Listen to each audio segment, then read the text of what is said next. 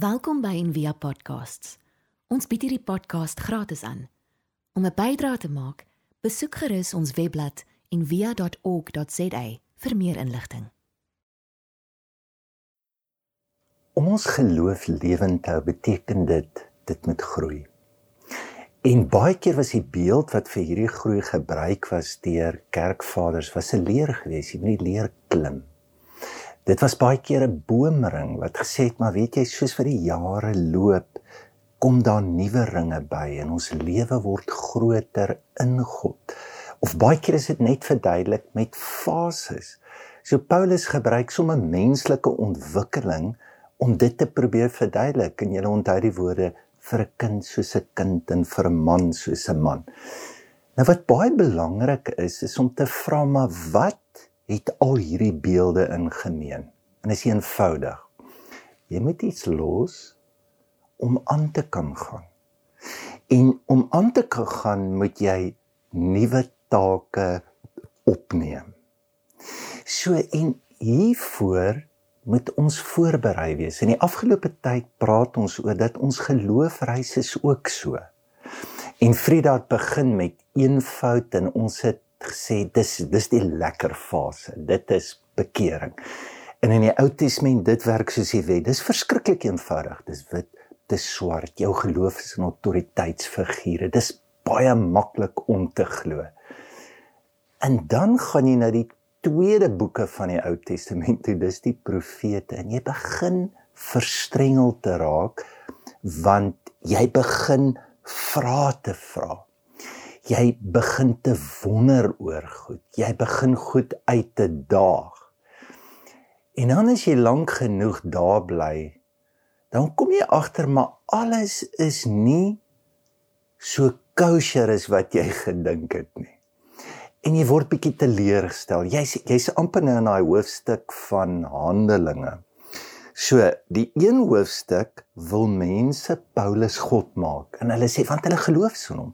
En dit is alles is net te wonderlik. In die volgende hoofstuk sê dieselfde mense wat hom God wou maak, kry klippe en gooi hom dood.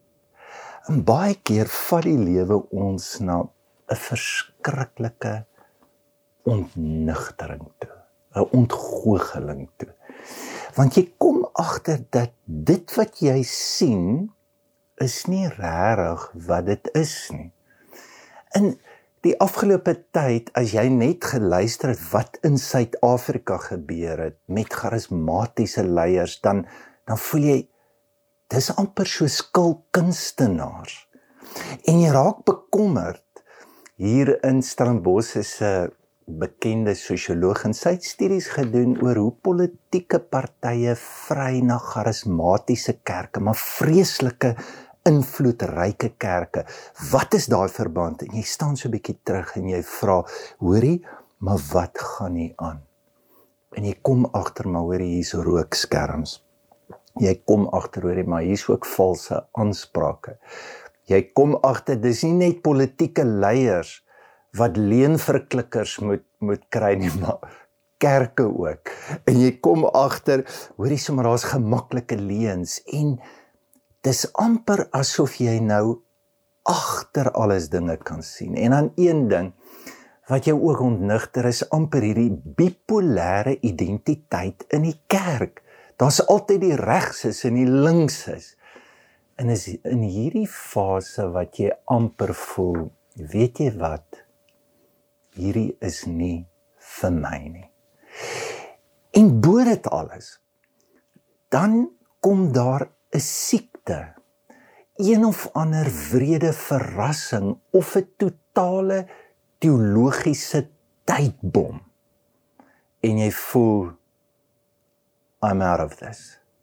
Ek sal nooit vergeet toe ek eerste jaar was op universiteit en het 'n proffie Johan Kutse en hy was toe op die einde my promotor gewees vir my doktorsgraad. En ek het hom eintlik uitgevat vir ete om vir hom dankie te sê en ek het die dag toe ons nou eet daar in Johannesburg sê ek van prof ek wil net vir sê jy's die persoon met die kwaadste gemaak en jy het my amper geloof laat verloor En dit was in daai klas wat jy gesê het ons moet nou 'n bespreking hou is die Bybel 'n oop boek of 'n toe boek. En daarbey bedoel hy is al die Bybelboeke genoeg? Is hy geslote? En ek het my hand opsteek sê ons het alles wat die Here wou sê, daar's meer as genoeg. En hy sê maar hy wil verskil. Hy dink die Bybel is nog 'n oop boek. Ek sê hoekom? En hy sê want Paulus praat van 'n derde boek van die aan die gemeente van Korintiërs. Ons het dit nie gekry nie. Sê maar ons ontdek nog boeke en ek onthou dit was soet van, "Ag, oh, daar gaan my geloof. 'n Ontreddering. Dit, dit, dit, dit ek ek onthou ek het gesukkel om asem te haal en ek was so teleurgestel en jy hoor dit baie keer op teologiese skole weet weet dit is eintlik die plek waar mense hulle geloof verloor.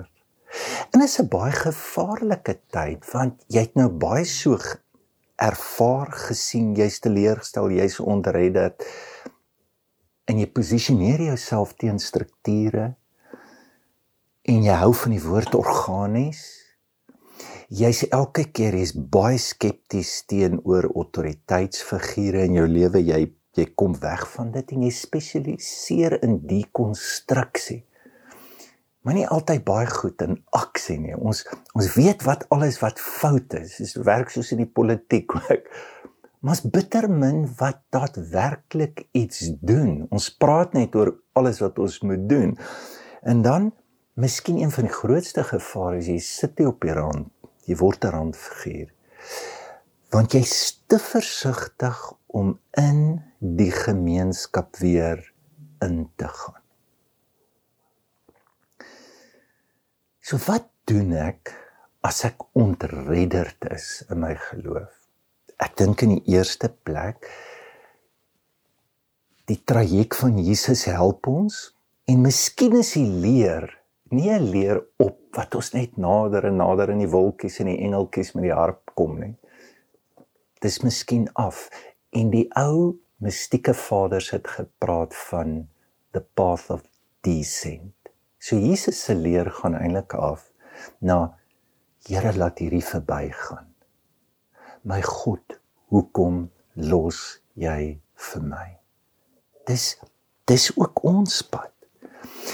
En in ons verstrelling, daai fase is eintlik lekker want dit is amper soos 'n vryval. Dit voel of jy loskom. Maar nou word daai val amper 'n verskriklike donker tonnel. Nou as jy nou 'n coach is en dis hier waar geestelike begeleiers ongelooflik waardevol is. Wat doen jy? Jy bou jou afstand. As jy die hele tyd vir jou kind moet sê, "Ag, sy my gaan nou val, moenie worry, pappa doen dit vir jou." Wat gaan jy doen? Jy gaan hom ontneem van sy lewe. So goeie geestelike begeleier glo in jou. En hy glo in die God wat jou gemaak het en hy glo dat jy het alles wat dit wat nodig is om jou te vat na 'n plek toe wat die Here jou wil hê. En hy's eintlik net daar om by jou te wees. Hy loop die pad saam. Hy's nie daar om jou 'n pet projek te maak om te kan sê hier's nog 'n trofee, kyk van waar tot waar te kom gevat. Hy lewe nie sy ego behoeftes deur jou. En ek dink is met God ook so dat God behou sy afstand. En die woorde wat gebruik was hiervoor was die donker nag van die siel. En dit voel of God nie daar is nie. Maar die Here is daar. Hy is diep teenwoordig. Ons praat nou oor Elia en ons hou maklik was sy eenvoud. Hy gaan en hy maak akklamasies en proklamasies en dit is fisiek eenvoudig en dan werk dit vir hom. En onthou jy hoe gaan hy aan? Hy steur hom aan niks en dan kom die verstrengeling. En vandag het ons die gedeelte gelees. Die totale ontnigtering, wegloop en ontreddering. Nou gaan sit hy onder 'n boom en hy sê die Here is nie daar nie. En in daai afwesigheid is God afwesig op 'n manier behou God afstand, maar ook nie regtig nie.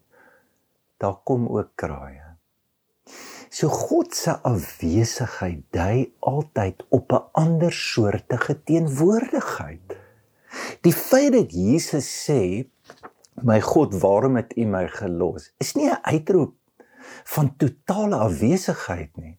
Hy gebruik net Psalm 22. Met ander woorde, daar's 'n stuk geloof in die woord. Hy beroep hom eintlik op die skrif nou. So daar is ook geloof teenwoordig in daai totale afwesigheid. In die tweede plek wat ek net vinnig wil noem. Ehm um, of of ja, die tweede plek dat ek net sê. Wanneer ons die leer klim en ons gaan na 'n ander plek toe. Moet dit nooit iets wees, dis nooit die afkap, die verwydering of om my teen my vorige ervaring van God te stel nie. Dis baie gevaarlik. So die woorde wat gebruik word is if we transcend we must include. Vir my verskriklike mooi voorbeeld is ons volkslied. Dat um, ja, ons sing en kos sê, ons sing ook uit die blou en ons sing ook Engels en is dit nie iets wat ons almal vir daai oomblik net so bymekaar bring in die land nie. Wonder baie standbeelde. Ek dink nie dis reg dat ons um, dit moet afbreek nie is miskien eerder 'n teken van ja, dis nie hoe dit moet wees en ek dink ons gaan nog spyt wees oor 'n paar standbeelde wat ons nou bou. So daar daar's 'n herinnering nodig in ons. En dink vir 'n oomblik net aan hoe belangrik is daai eenvoud, die dissipline, die moraliteit, die wet in jou lewe. Ons het dit verskriklik nodig. Dink aan die verstrengeling. Jy het dit nou meer as ooit nodig tienerskierigheid, die dialoog, die verder luister. En jy sien dis presies hier waar geloof ten diepste in ons wortels skiet. Dit is nie ek draai my rug op geloof, dis eerder ek draai my na God toe. Ek draai my geloof, dit dis vir my amper nou die plek waar geloof eers begin inskop. Want onthou eers was my sekerheid in my geloof. Dis die eerste fase. En toe ry dit bietjie om. Nou word jou sekerheid word nou jou geloof want jy wil net bietjie meer weet. Jy wil net bietjie weer. En nou sit amper die verlies. Maar dis dis amper nou die openheid wat jy in jou lewe kry vir geloof en dit vat geloof om te twyfel dit vat geloof om te glo maar ek word gelos maar ek word nie regtig gelos nie. Vat geloof. So um Lloyd Gehring sê dit verskriklik mooi. Say expressing or even entertaining doubt sometimes takes too much courage that we may say it takes real faith to doubt. En al wat met jou gebeur in hierdie donker tyd, dis die Here se ekstra. Se al waar jy dit kan sien. En jy sal bewus word van die landskap van wie hy is. So wat doen Elia?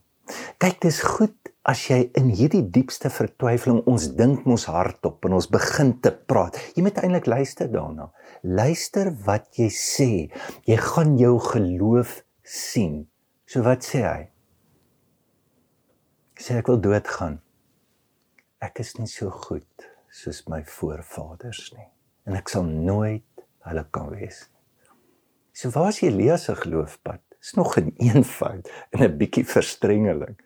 Sy geloof is sy hele lewe, sy hele identiteit word gedryf deur as ek net soos hulle kan wees, as ek net my voorvaders kan. Dis die dryf. Elia, hoor jy wat jy sê? dis die ekstra van sy lewe. Dis in hierdie tyd wat ons sien wie ons werklik is. Dis in hierdie tyd wat God ons los dat ons ons diepste geskaapenheid kan kry. En dat ons as ons dink ons lewe kon gered word deur ons voorvaders of ek sal 'n great lewe hê as ek soos my voorvaders is en dit gaan vir my die heil en die geluk bring. Nee, dis nie dit nie. Dis die tyd wat jy die diepste liefde van jou eie geskaapenheid en vreugde ontdek.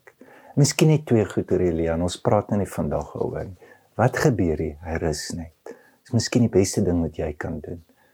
Dat jy jy maak nie weer 'n skuif nie. Maak jou skuifie in verstrengeling. Probeer 'n nuwe kerk, 'n nuwe leier is dis jy bly. Jy rus. Jy wag. En in die wag sal dit wat jy moet hoor, net soos met Elia, na vore kom. Jy verwoord jou emosies. Jy sê presies dit wat jy dink en wat jy voel. En in dit lê ontmoeting met die Here. Net om af te sluit 1 Korintiërs 13. Hy begin mos kom ek wys vir julle 'n meer uitnemende weg. Die een vertaling sê ek wys vir jou die allerbeste weg. So wat is dit? Dis die weg van hoe God ons liefhet. Dis die weg van hoe geloof alles te doen het met liefde en nie met kennis en nie met jou wense wat jy dalk kan vervul in jou geld of jou voorvaders of wat ook al. Maar die vreugde om binne hom te wees en binne jouself wat in hom is te wees. Soos hy sê, wys vir jou beter weg. Hy beskryf mos nou die weg van ons probeer as ons die as ons net die geloof het dat ons in tale kan praat of as ons berge kan verskuif of of ons dooies kan opwek en dan sê Paulus hoorie daar kom 'n dag wat al jou strewe na liefdes ingesluk gaan word deur iets groters deur die liefde van God. Dit beteken eintlik niks. Elia Karmel Elia, jou voorvaders, Elia, jou wonderwerke beteken dit word ingesluk deur iets baie groters. Die brand van die liefde van God. En dan sê die hoofstuk, weet jy wat? Geloof is ook nie die nommer 1 nie. Hoop is ook nie die nommer 1 nie. God se liefde en nabyheid in jou. Ons hoop van harte jy het hierdie podcast geniet of raadsaam gevind. Besoek gerus en via.ok.za vir meer inligting.